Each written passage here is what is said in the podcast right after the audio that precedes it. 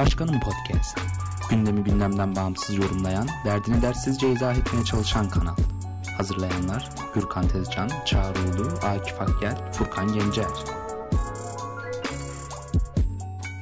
Merhaba, Başkanım Podcast gündemin dördüncü bölümüne hoş geldiniz. Ben Furkan. Geçtiğimiz günlerde yani 4 Ağustos 2020'de Lübnan'ın başkenti Beyrut'ta büyük bir patlama meydana geldi. Patlama ile birlikte bir süredir sessizliğini koruyan Doğu Akdeniz e, tekrar dünya gündeminde en üst sırada yerini aldı. Maalesef çok büyük bir felaketti.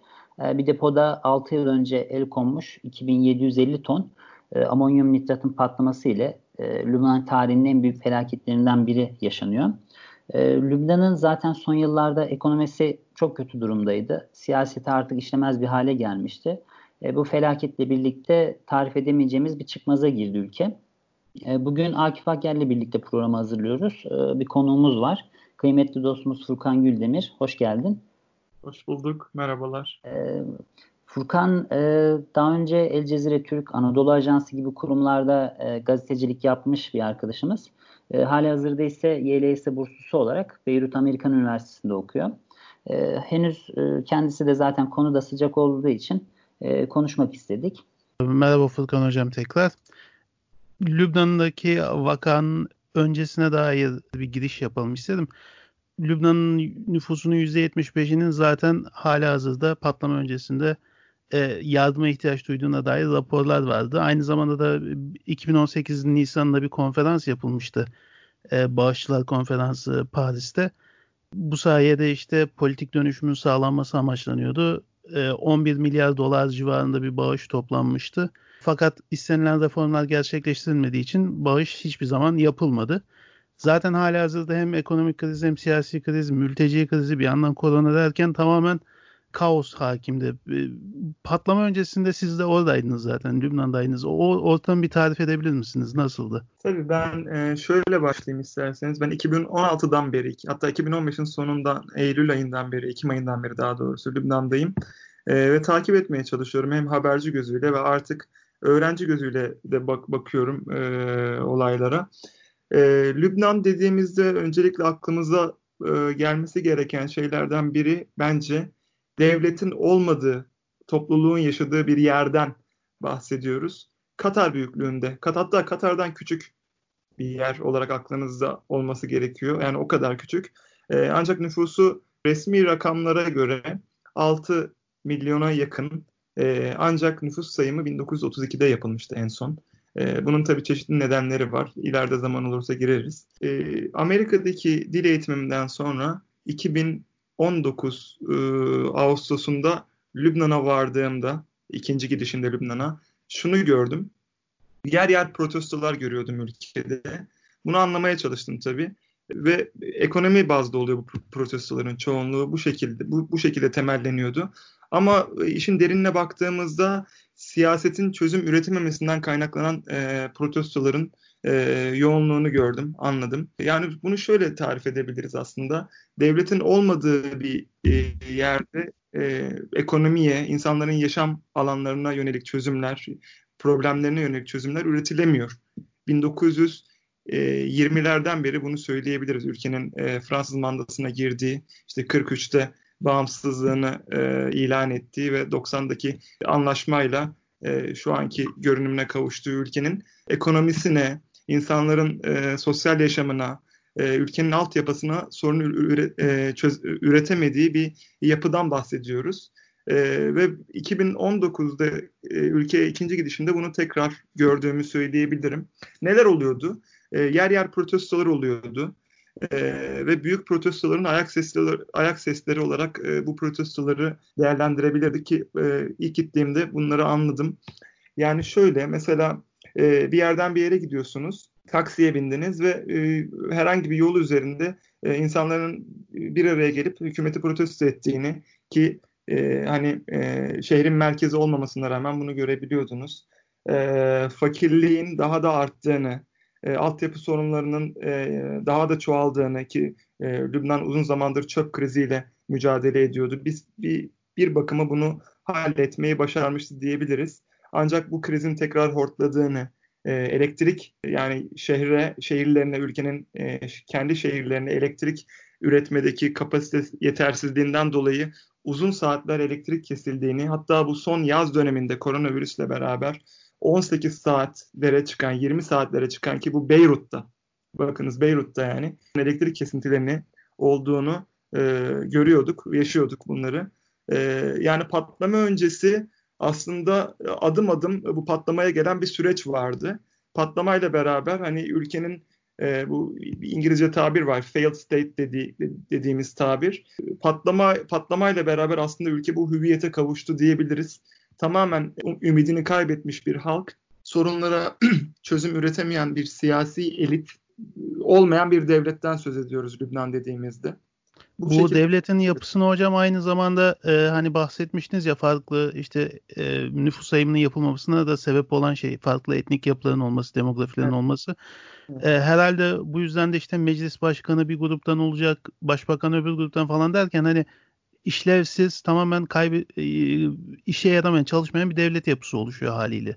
Tabii çok doğru diyorsunuz. Yani zaten 1920'lerde Fransız mandasının e, ki bugün işte Macron'u gördük e, gövde gösterisiyle Fransız Lübnan'da adeta hani kral gibi karşılandı ve kurtarıcı olarak aslında karşılandı ve insanlar şikayetlerini e, Macron'a iletti Lübnanlı siyasilerden bir çözüm alamayacaklarını bildikleri için.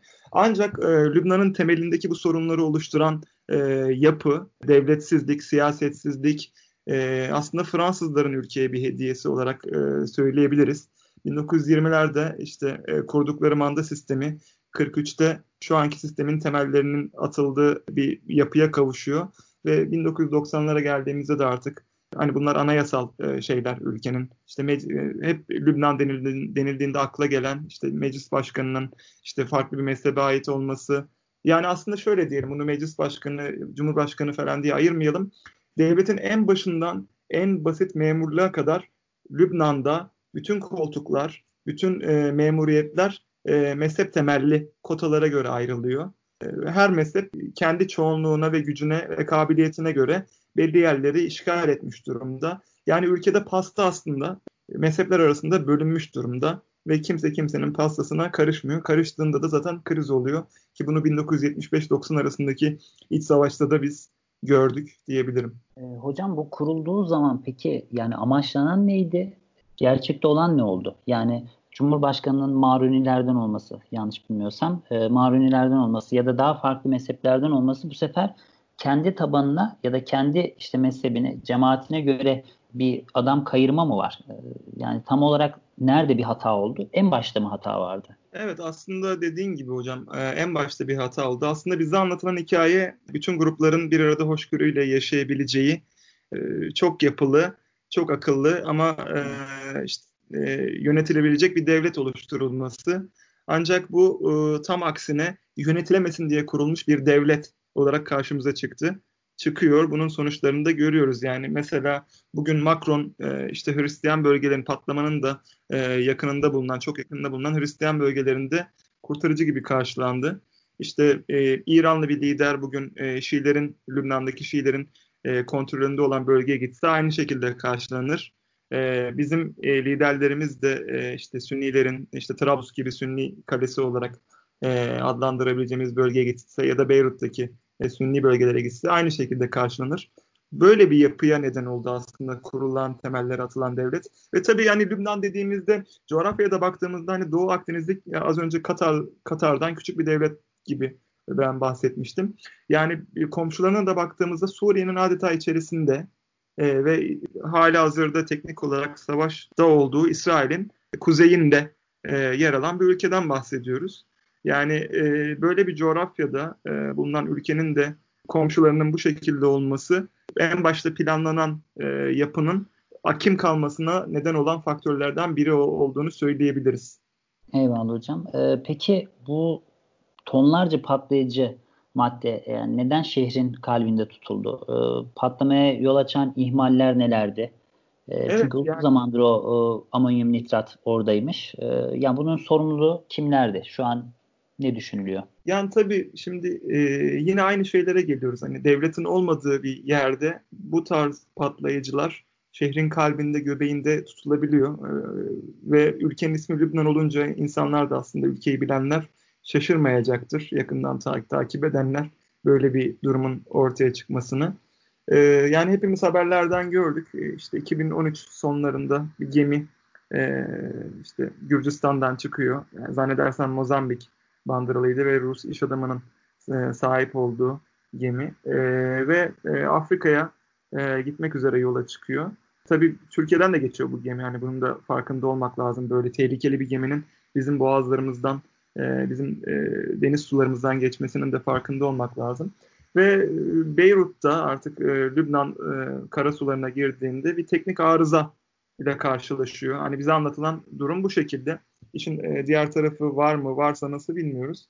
Ama şu anki e, anlatılan hikayeye göre gemi arıza yaptıktan sonra Lübnan makamları bir şekilde gemiye el koyuyorlar. E, ve e, 2014'ün yaz aylarında zannedersem geminin e, yükleri ki işte yaklaşık 3000 tona yakın patlayıcı madde amonyum nitrat patlayıcı yapımında kullanılıyor. Zenginleştirilmesinde kullanılıyor ve tarımda kullanıldığını biliyoruz bu maddenin. Bu işte 12 numaralı depoya patlamanın da yaşandığı Beyrut limanındaki 12 numaralı depoya yerleştiriliyor. Ve 2014'ten e, 2020'ye kadar liman yetkilileri yargıya bakın elimizde hani böyle bir madde var tehlikeli. Hani bundan bir şekilde kurtulalım. Orduya mı veriyorsunuz? İşte yoksa patlayıcı şirketine mi Lübnan'ın sahip olduğu patlayıcı şirketine mi veriyorsunuz? Tarıma mı veriyorsunuz? Ne yaparsak yapalım. Bu maddeden kurtulalım e, şeklinde dilekçeler, mektuplar yolluyorlar ama bunlar tabii bu mektuplar cevapsız kalıyor.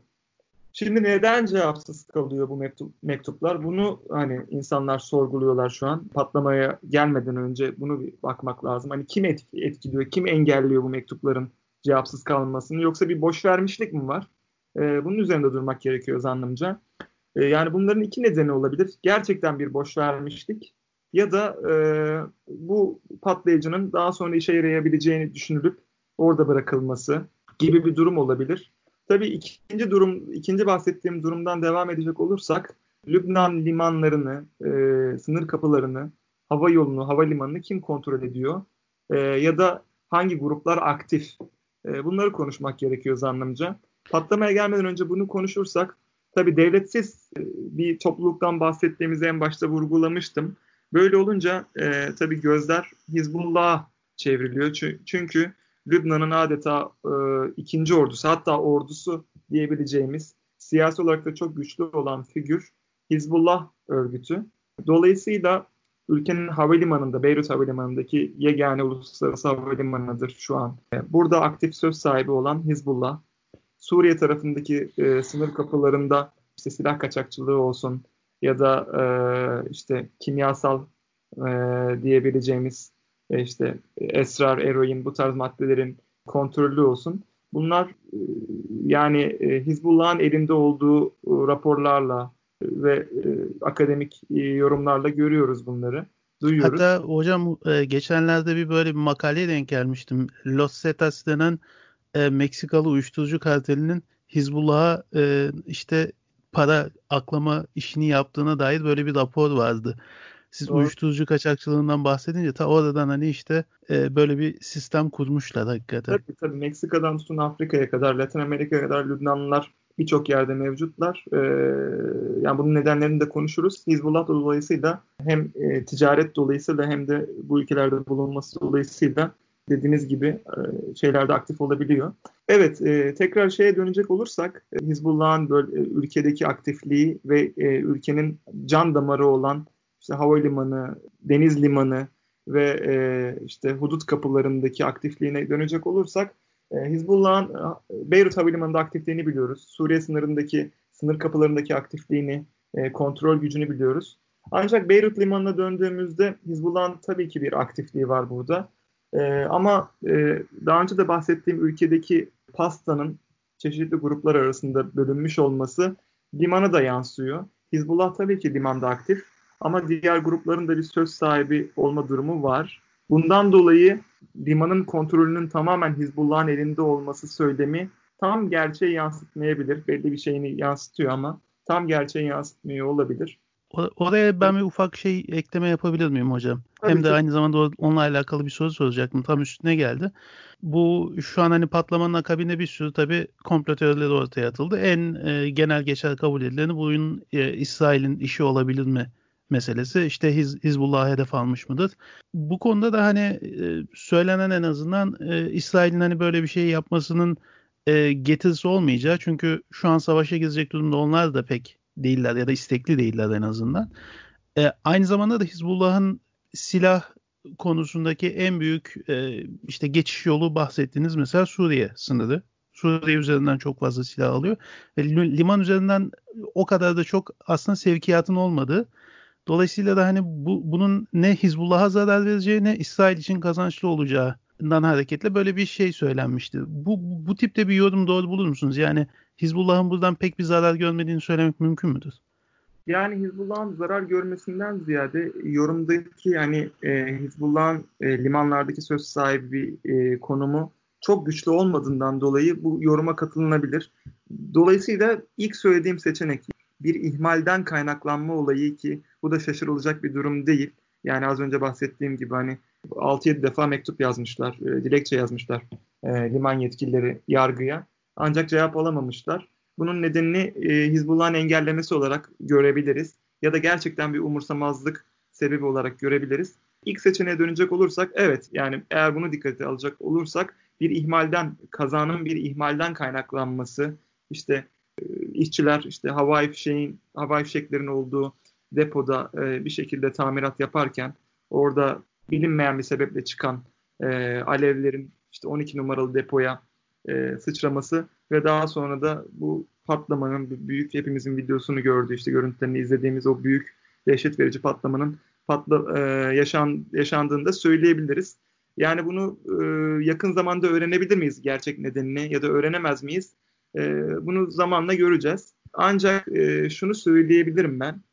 Lübnan uluslararası gazetecilerin e, yoğun bulunduğu birçok e, uluslararası haber ajansının ve e, gazetenin e, bürolarının bulunduğu bir yer. Özellikle Beyrut. Bu gazeteciler de gayet yetenekli gazeteciler. Bu işin peşini e, bırakmayacaklardır, bırakmayacaklardır diye düşünüyorum. E, çeşitli sızıntılar olabilir. Bunları e, zamanla göreceğiz. Yazılan haberlerde, yayınlanan haberlerde göreceğiz diyebilirim ben. Ancak e, Lübnan makamlarından ve e, yargısından bir sonuç beklemek e, doğrusu anlamlı olmayacaktır. Konuyu bir şekilde üstü kapatılacaktır diye tahmin ediyorum ben ya da gerçek suçlular ki bunlar siyasi elitlerdir demek e, yanlış olmaz. Yargı önüne getirilemeyeceğinden dolayı yani Lübnan yargısının vereceği kararlar hakim kalacaktır diye bir ön tespit yapma, yapmak yanlış olmaz diye düşünüyorum ben. Bu siyasi anlamda farklı demografilerde hocam peki içeride nasıl tepkiler oluştu? Bu halkın farklı kesimlerinin olaya karşı tepkisi nasıl oldu? Buna dair izlenimleriniz, gözlemleriniz nelerdi acaba? Tabii. Öncelikle şundan başlayalım isterseniz. E, patlamanın yaşandığı bölge Batı Beyrut'la Doğu Beyrut arasında. Biraz daha Batı Beyrut'ta kal, kaldığını e, hatırladığım bir bölge. Ancak tamamen e, limanın yukarısında Hristiyanların yoğun yaşadığı mahalleler mevcut. İşte bu mahalleler e, işte Mar Mikhail, Cimaize dediğimiz e, ve Eşrefiye dediğimiz bölgeler ve biraz daha kuzeyine gittiğimizde e, Burcul Hammut dediğimiz işte Ermenilerin yo- yoğun yaşadığı mahalleler olayı şey yapabiliriz. Tabi downtown, Batı Beyrut'taki downtown'u da eklediğimizde e, yani e, en çok zararın gördüğü yerler buralar. Az önce bahsettiğim bu Mar Mikhail, Eşrefiye, Hristiyanların yoğun yaşadığı işte Cimeyze bölgeleri limana yakın olan taraflar daha çok işte gece hayatının olduğu, işte barların, gece kulüplerinin bulunduğu e, yerler, restoranlar, e, oteller. Bir tane de müze vardı, Sursok Müzesi oraya yakın. Bu bölgelerden bahsediyoruz. Ve e, şehrin kalbinin attığı canlı yerler buralar. E, dolayısıyla ilk tepki tabii buradaki daha en çok etki buralara oldu ve ilk tepki dolayısıyla Hristiyanlardan ve onların e, tepkisinden oluştu diyebiliriz. Aslında bütün ülke, e, topluluklar, bütün toplum çok öfkeli. Daha önce bahsettiğimiz iktisadi, siyasi krizden dolayı, işte elektrik kesintilerinin 18 saate, 20 saatlere varmasından dolayı, dolar kurunun işte sabit kur e, rejiminden çıkıp 1 dolar, 1,5 Lübnan lirası civarı iken şu an kara borsada 1 doların 8 bin Lübnan parasına işte 10 bin Lübnan parasına bu aralarda gezinmesine tekabül etmesi, market fiyatlarının yükselmesi, işte insanların maaşlarının paralarının erimesi, e, bütün bunları topladığımızda patlamanın da e, artık yaşattığı dehşetle beraber insanlar çok öfkeli patladılar. Hani patlama noktasına gelmişler demek zayıf olur. İnsanlar patladılar. Öfkelerini siyasilere yöneltmek istiyorlar. Ancak sokakta siyasetçi bulamıyorlar. Sokakta e, hani yaralarını sarmak için, onlara sarılmak için bir siyasetçi olsa tepkilerini gösterecekler. Ancak Lübnanlı siyasiler e, patlama bölgesine gitmekten ya da patlamanın zarar gördüğü yerlere gitmekten e, imtina ediyorlar diye düşünüyorum. Çünkü indikleri an insanlar, insanların çok, e, vatandaşların çok büyük bir tepkisiyle karşılaşacaklar. Dolayısıyla halkta bu durum hakim. Artık tamamen ümitsiz durumdalar. Zaten e, patlamadan önce ülkeyi terk ediş e, rakamları çok yüksek e, seviyelere çıkmıştı. E, ki Lübnanlar da çok dilli olduklarından dolayı başka ülkelere kolaylıkla göç etme konusunda ve e, diğer ülkelerdeki, üçüncü, ikinci ülkelerdeki akrabalık bağları nedeniyle, e, daha önce göç eden tanıdıkları akrabalar nedeniyle kolay e, mobilize olup hani hemen kolay e, ülke değiştirdiklerinden dolayı bu rakam çok yüksek seviyelere çıkmıştı. Artık tamamen ümitsiz durumdalar diyebiliriz Lübnan halkının. Ee, özellikle Türkiye, Fransa, işte Latin Amerika gibi yerlere gitme konusunda daha istekliler. Ki ben de oradayken yine kişisel tecrübemden biraz e, bahsedeyim. Türkçe kurslarının, özel Türkçe kurslarının Yunus Emre'nin haricinde özel Türkçe kurslarına olan ilginin çok arttığını gözlemlemiştim. Ve hatta beni bile e, telefonla arayıp kurslar hani Türkçe dersi verebilir misiniz?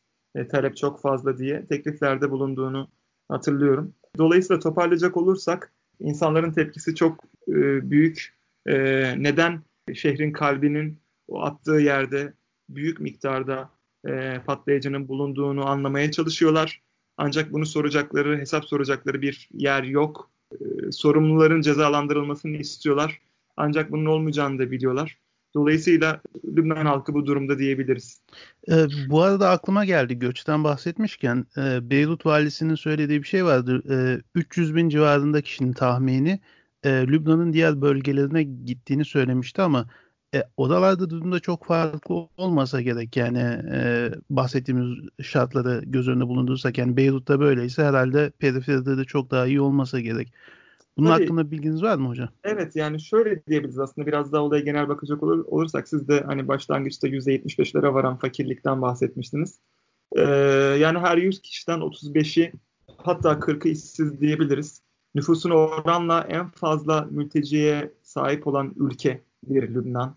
E, tüm bunlar üst üste eklendiğinde ve ekonomik sorunları da yine e, üst üste eklediğimizde altyapı problemlerini evsiz kalan bir 300 bin kişi diğer bölgeye göç etse de akrabalarına sığınsa da benzer problemler e, yaşayacaklar. Hatta daha da artarak yaşayacak. E, dolayısıyla çekilmez bir e, halde şu an Lübnan'daki siyasi ve sosyal yapı. İnsanlar hani patladılar ve öfkelerini yönetebilecekleri, gösterebilecekleri bir siyasi arıyorlar ancak kimse yok piyasada, e, sokakta. E, bundan dolayı işte e, Macron geldiğinde e, Fransız Cumhurbaşkanı, Fransa Cumhurbaşkanı Macron geldiğinde yani şikayetlerini ona dile getirdiler. Dolayısıyla Macron'un ziyareti bir gövde gösterisine dönüştü diyebiliriz buradan çıkar, yola ee, çıkarak. Bu Macron'a geçmeden önce ufak bir yine ekleme yapayım. Onun üzerine sonra konuşalım hocam. Aklıma geliyor siz böyle konuştukça. E, mesela mülteci meselesinden bahsettik. Aynı zamanda içeride de böyle bir hareketlilik vardı demiştik. Eskiden işte Filistinli mültecilere bu Sabra Şatila katliamını hatırlarsınız. E, o da hemen e, şey Beşir Cemal'in de yanlış hatırlamıyorsam e, suikast akabinde hani gelişmişti. İçeride böylesi bir hafazan Allah yani iç savaş gibi yahut bu bahsettiğimiz gruplar arasında çatışmaya götürecek bir e, bir şey sebep olabilir mi? Bunun bir fitilini ateşleyebilir mi sizce yoksa gö- ön, yani yakın gelecekte en azından öyle bir tehlike e, görünmüyor diyebilir miyiz? Lübnan devletinin kurduğu yapı her ne kadar e, birçok probleme yol açsa da iç savaşın acı hatıraları hala Lübnanların e, zihinlerinde.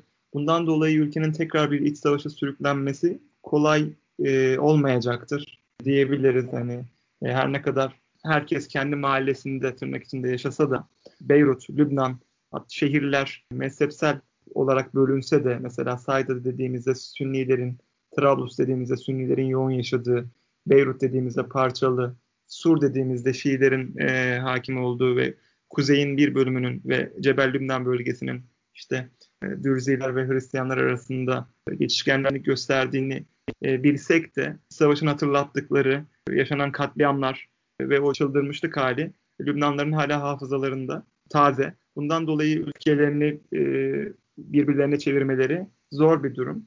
E, şu an Lübnanların aklındaki olan şey, e, ekseriyetinin diyelim, ülkeyi bataklığa sürükleyen bu mezhepsel e, sistemden kurtulmak diyebiliriz. Ve e, bu mezhepsel sisteminde kukla oynatıcıları olan e, siyasi elitlerden bir an önce kurtulmak desek yanlış olmaz. Tabi hala destekçileri var.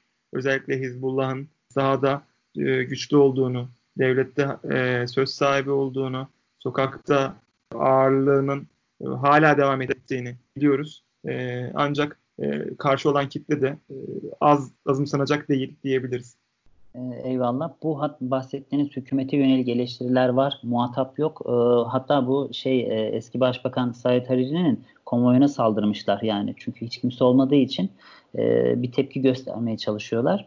E, bu bağlamda aslında Twitter'a da baktığımız zaman bizim Türk bazı gazeteciler de paylaştı. Bu Tel Aviv Belediye binasına işte Lübnan bayrağı yansıtılmış.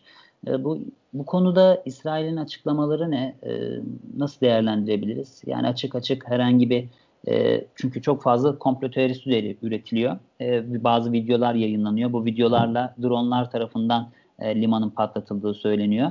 E, bu konuda bir uluslararası medya konuşuyor mu yoksa sadece Twitter komplosu mu? Yani evet ben bu e, limanın üzerindeki e, drone görüntülerini e, ben de gördüm ama açık net değil tam o görüntüler.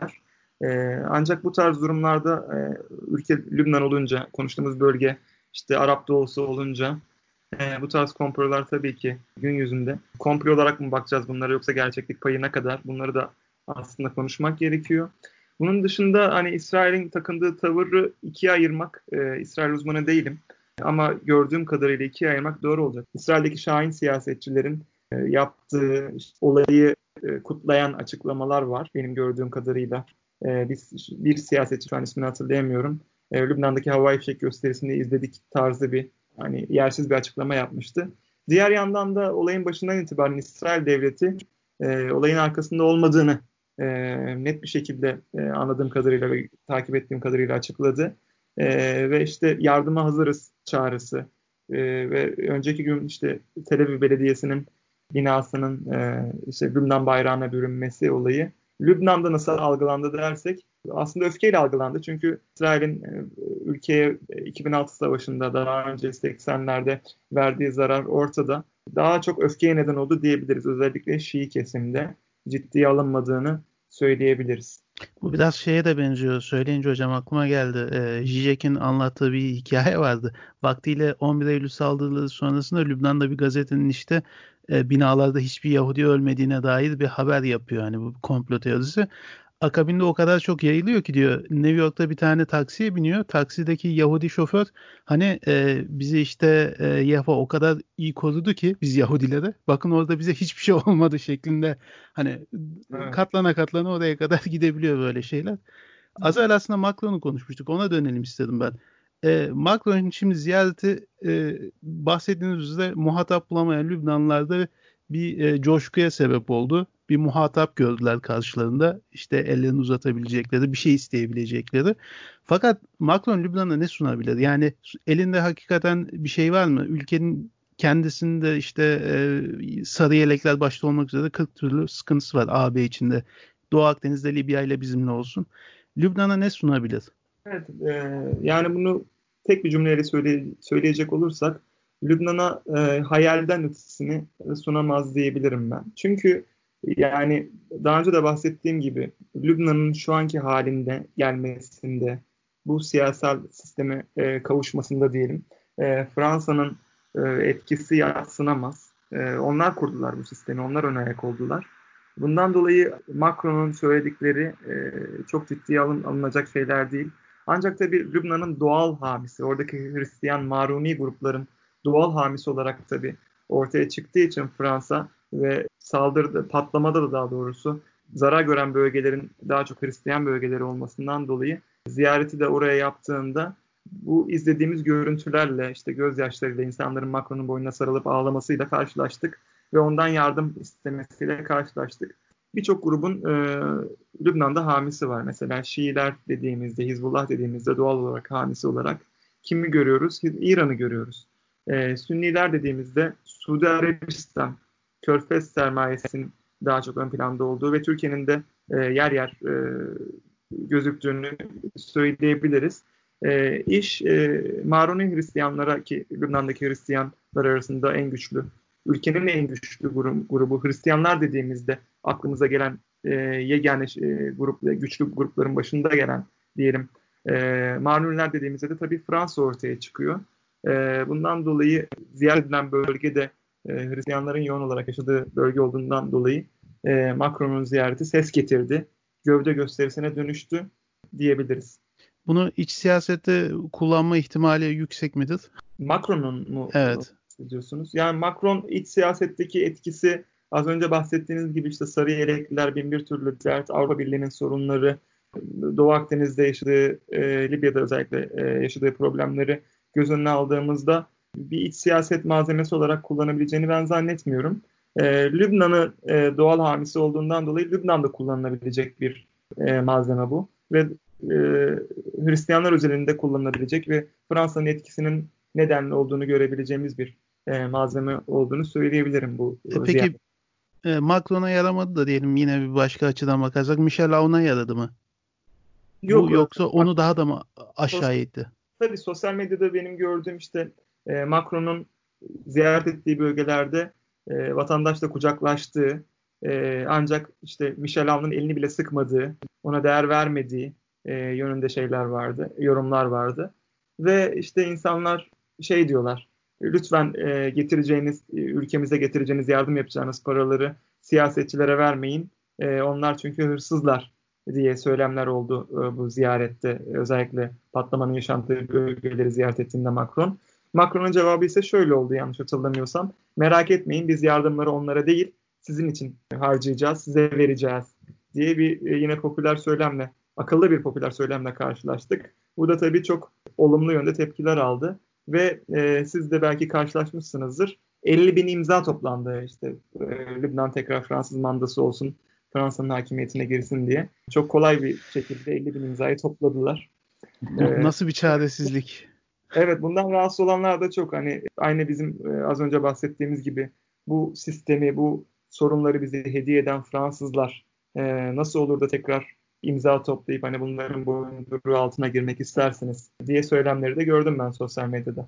Ee, eyvallah hocam. Ee, şimdi konu biraz daha uzuyor aslında soracak, konuşacak konu çok da. Ben son olarak bu şahsi gözlemlerinizi sorayım. Şimdi Beyrut Amerikan Üniversitesi yakın mıydı limana? Ee, yani üniversiteye çok ciddi bir etkisi oldu mu? Çok büyük bir bölgede zaten şu an ekonomik e, kriz olacak. Bir sürü evsiz var. E, sizin böyle WhatsApp gruplarınızdan bir Twitter'da bir kez pay, fotoğrafları görmüştüm. E, üniversitenin bazı e, camları falan kırılmıştı. Orada durumlar nasıl? Evet, şimdi e, benim evim ve üniversite birbirine çok yakın. Aramızda bir sokak var. Üniversite aynı e, Boğaziçi Üniversitesi'ne gidenler bilirler aynı şekilde konuşlanmış durumda. Akdeniz'e bakıyor. Sahilden başlıyor ve bir tepeye e, kadar devam ediyor diyelim. Ve Batı Beyrut'ta e, Müslümanların, e, Sünnilerin e, yoğun yaşadığı bölgede yer alıyor ilginç bir şekilde. Beyrut Amerikan Üniversitesi. Aslında e, konuyu bilenler bunun ilginç olmadığını da farkına varacaklardır. Tekrar e, konuya dönecek olursak, üniversitenin patlama alanına uzaklığı yaklaşık olarak 6 kilometre e, civarında. Ancak üniversitenin e, önemli bir bölümü e, sahil kısmında yer aldığı için ve orada da e, mühendislik e, ve iktisat e, binasının olduğundan dolayı ve bu binalarda yeni mimariyle yapıldı, yeni binalar ve e, çoğunluğu cam kaplamaydı binaların. E, bu binalar büyük zarar gördü, camları çok kırıldı. E, üniversitenin işte Beyrut'un Hamra Caddesi'ne bakan, e, biraz daha yukarı taraf e, bakan bölümünde de yine e, bazı camların işte bazı binaların camlarının ofislerin e, zarar gördüğü patlamanın etkisiyle işte bir post ofisi vardı üniversitenin onun e, büyük bir zarar gördüğünü ben fotoğraflardan gördüm. Kampüste belli zararlar var ve üniversite patlamanın olduğundan patlama olduktan kısa bir süre sonra bir mail e, attı daha doğrusu rektör bütün öğrencilere. E, mailde de şu yazıyordu. E, üniversiteyi 3 gün kapatıyoruz kampüsü.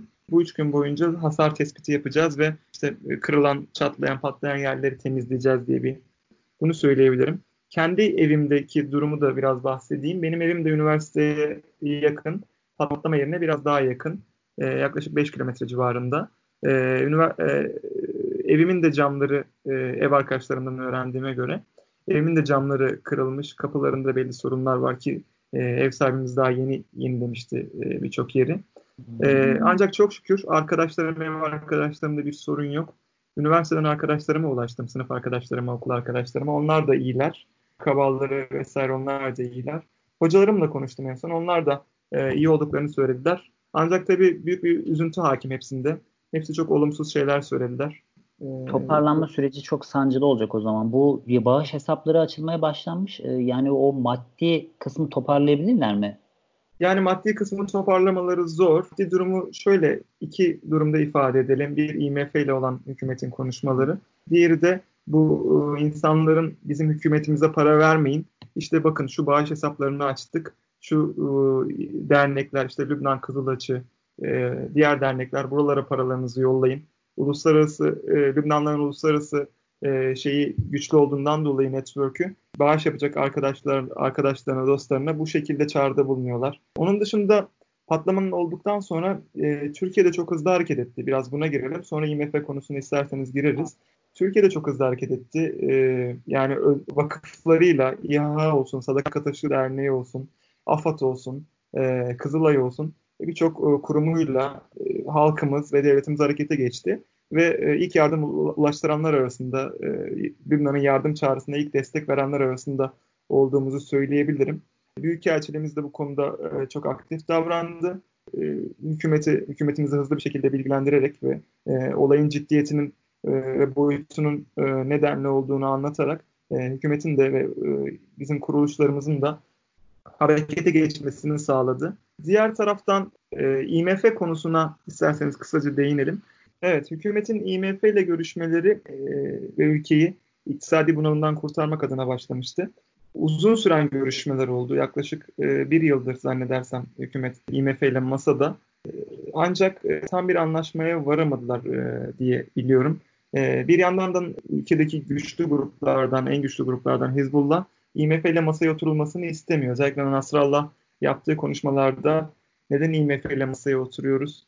Yani Çin varken, işte Irak, e, işte kardeş ülkelerden Irak varken niye bunlarla e, Suriye varken niye ticaret yapmıyoruz, ticaretimizi arttırmıyoruz, IMF ile masaya oturuyoruz tarzı bir söylemi vardı. Daha sonra bu söylemi yumuşattı e, Nasrallah. Hani IMF ile masaya oturulabileceğini söylemişti. E, patlamalar bu e, konjonktürde, patlama daha doğrusu bu konjonktürde gerçekleşti ve e, Dünya Bankası'nın patlamadan sonra yaptığı açıklamaya baktığımızda Dünya Bankası'nın e, Lübnan'a her türlü ekonomik krediye açık olduğunu e, yönelik bir açıklama yaptı. Bu da ülkenin ve siyasetçilerin elini biraz daha rahatlatan bir durum olduğunu düşünüyorum ben. İktisadi durum bu şekilde olarak özetleyebiliriz. E, eyvallah hocam. E, bu arada e, Beyrut Limanı Lübnan için çok önem arz ediyor. Ekonominin büyük bir kısmı buradan gerçekleşiyor. Alternatif olarak şu an liman neresi var? Evet dediğiniz gibi e, Beyrut Limanı ülkenin can damarı, e, can çekişen ekonomisinin e, adeta e, son damla suyuydu. Bunu kaybettiler. Büyük oranda liman çok büyük hasar gördü. Bunu fotoğraflardan, uydu fotoğraflarından da gördük. Patlamanın da e, zaten videolarından anlaşılıyor. E, tabii bundan sonra hani bakıldığında neresi olabilir? Trablus Limanı var. Beyrut Limanı'na görece biraz daha mütevazi bir yer. Her ne kadar Lübnan'da e, pasta e, bölünmüş olsa da limanın e, konumu itibariyle Sünnilerin e, güçlü olduğu bir yer diyebiliriz. Dolayısıyla hani e, Beyrut'a gelecek mallar, e, Lübnan'a e, Lübnan'a deniz yoluyla ulaşacak işte malzemeler, mallar, e, konteynerler, gemiler bir süreliğine en azından Beyrut limanı e, bir şekilde aktif hale gelene kadar Trablus limanına yönlendirilme ihtimali konuşuluyor. Bu olabilir. Tabii bunu konuştuğumuzda daha az önce bahsettiğim gibi yani Trablus limanının öne çıkması, öneminin artması, e, Lübnan'ın artık hayat damarlarından biri e, yeganesi olması, kimin işine yarayacak, kimin işine yaramayacak kimi zor durumda bırakacak diye düşünebiliriz. Hani bu sorular akla geliyor. Tabii e, Hizbullah'ın yine burada konuşmamız gerekiyor, sözünü etmemiz gerekiyor. E, Hizbullah e, bu limanda aktif olmak isteyecektir. Kendi ticareti e, bağım, bağımlı olmaması açısından, bağımsızlığı açısından diyebiliriz. Trablus'taki e, Sünni gruplar arasında rahatsızlığa yol açacaktır Hizbullah'ın e, bu böyle bir hamlesi gerçekleştiği takdirde. Tabii şu an hani olabilecekleri konuşuyoruz. Bu da gerilimi arttıracaktır ki Suriye İç Savaşı nedeniyle Trablus'ta çatışmalar yaşanmıştı. Sünni ve Şii ve Nusayri gruplar arasında. Bu çatışmalar uzun sürmüştü. Ee, çok sayıda insan da hayatını kaybetmişti bu çatışmalar nedeniyle. Ee, şehirde gerçekleşmişti bu çatışmalar. Hani e, Trablus şehrini bilenler için söylüyorum. Yani e, bilenler bilir. E, Trablus'un doğu kısmı ve e, ve Şiilerin yoğun yaşadığı bir mahalle var e, biraz daha tepe noktasında. E, orada çatışmalar olmuştu. Tekrar bu şeyleri görebiliriz, e, konuşmak lazım, düşünmek gerekiyor. Lübnan'ı konuştuğumuzda ve mezhepsel durumu e, bildiğimizden dolayı. Ve yani Trablus limanının aktif hale gelmesi, önemini e, arttırması e, Lübnan'daki iç siyasi, mezhepsel dengeleri tekrar e, konuşmamıza neden olabilir. İlerleyen günlerde bununla ilgili sorunlar görebiliriz. Haberlere yansıyabilir diyebilirim ben. Peki hocam e, Lübnan'da mukim Türk dernekleri yahut e, bizim devlet kurumlarından zarar görenler oldu mu öyle? Size ulaşan var mı bu konuda? Evet maalesef oradaki Beyrut'taki başkent Beyrut'taki patlamanın olduğu yere yakın bölgenin bir kısmında Türk kurumları da e, devletimizin kurumları da bulunuyordu. Bunlardan e, başlıcası Türk Hava Yolları'nın ofisi olduğu downtown dediğimiz şehir merkezinde yer alan e, fotoğraflardan gördüğüm kadarıyla ve e, oradaki çalışan arkadaşlarımla da konuştum. Gerçekten ofis e, kullanılamaz halde. E, işte camları kırılmış, tavan çökmüş e, ki sağlam bir binadaydı diyebiliriz. E, hemen bu e, Beyrut'u bilenler hatırlayacaktır. Bu Muhammed Emin Camisi'nin merkezdeki Şüheda Meydanı'ndaki Muhammed Emin Camisi'nin iç çaprazında yer alıyordu Türk Hava Yolları'nın ofisi. Oradaki Azeriye binasındaydı. Orası bayağı bir zarar görmüş. Ancak e, çok şükür ki yani ufak sıyrıklar dışında yaralanan yok. O da bir çalışan muhasebeci arkadaş. Lübnanlı kendisi. Ufak sıyrıklarla atlattığını öğrendik. Çok şükür ki bir şey olmadı. Onun dışında e, Yunus Emre Enstitümüz hemen Türk Hava Yolları'nın karşı komşusuydu. Hemen yan binasındaydı. Aynı kompleks içinde. Ancak e, oradan iki hafta önce başka bir yere taşınmıştı Allah'tan. Ve Yunus Emre Enstitüsü'nün de eski taşındığı yer büyük zarar gördüğünü fotoğraflardan gördüm ben. Ticari ateşeliğimiz e, yine patlamanın olduğu bölgeye işte 4 kilometre, 3 kilometre civarında bir yerde. Bu Türk Hava Yolları ve Yunus Emre'nin eski e, bulunduğu yere yakın sayılır. Orası da çok zarar gördüğünü ben fotoğraflardan gördüm. Hatta şöyle diyebilirim. E, yaklaşık 30 kilometre uzaklıktaki ya da 20 kilometre uzaklıktaki diyelim Büyükelçiliğimizin bulunduğu e, Büyükelçilik binamızda da camların e, zarar gördüğünü, Büyükelçilik binasının ufak çaplı hasar aldığını, Büyükelçimiz e, patlamanın olduğu ilk gün Hakan Bey e, televizyona bağlandığında Türk televizyonlarında açıklamıştı.